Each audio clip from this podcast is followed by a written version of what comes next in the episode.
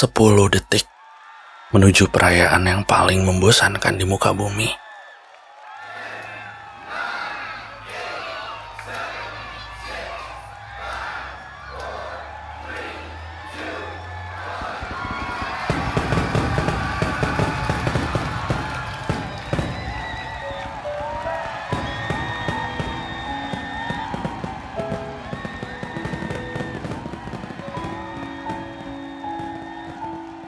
Makin ke sini, kemeriahannya begitu mati. Dalam keriangan yang tak pasti, orang-orang masih mau bertepuk tangan saat langit dipenuhi dengan kembang api.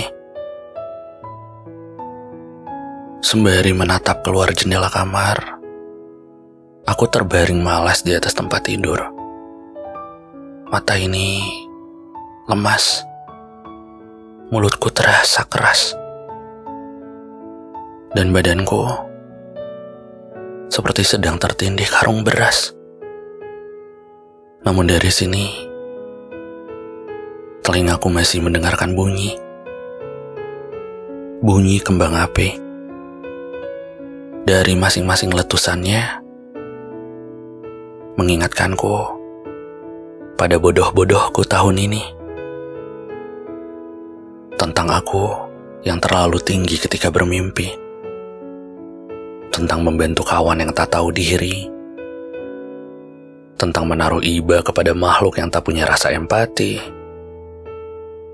tentang menjatuhkan rasa kepada lawan jenis yang mempermainkan hati, tentang sedih sendirian dan tak tahu caranya mengobati, tentang sibuk bergelut dengan janji-janji yang tak pasti dan masih banyak lagi. Tahun ini, masalah datangnya keroyokan. Kabung meluncur bertubi-tubi. Satu kebahagiaan rasanya tak cukup menutupi. Lelah rasanya menjadi tolol. 365 hari ini terasa begitu konyol. Kepada 2024, sebelum aku terpejam rehat, bila sempat, jemputlah doa yang baru saja kupahat. Aku minta, tolong jauhkan aku dari segala perihal jahat. Karena hatiku, badanku, juga mimpiku perlu beristirahat.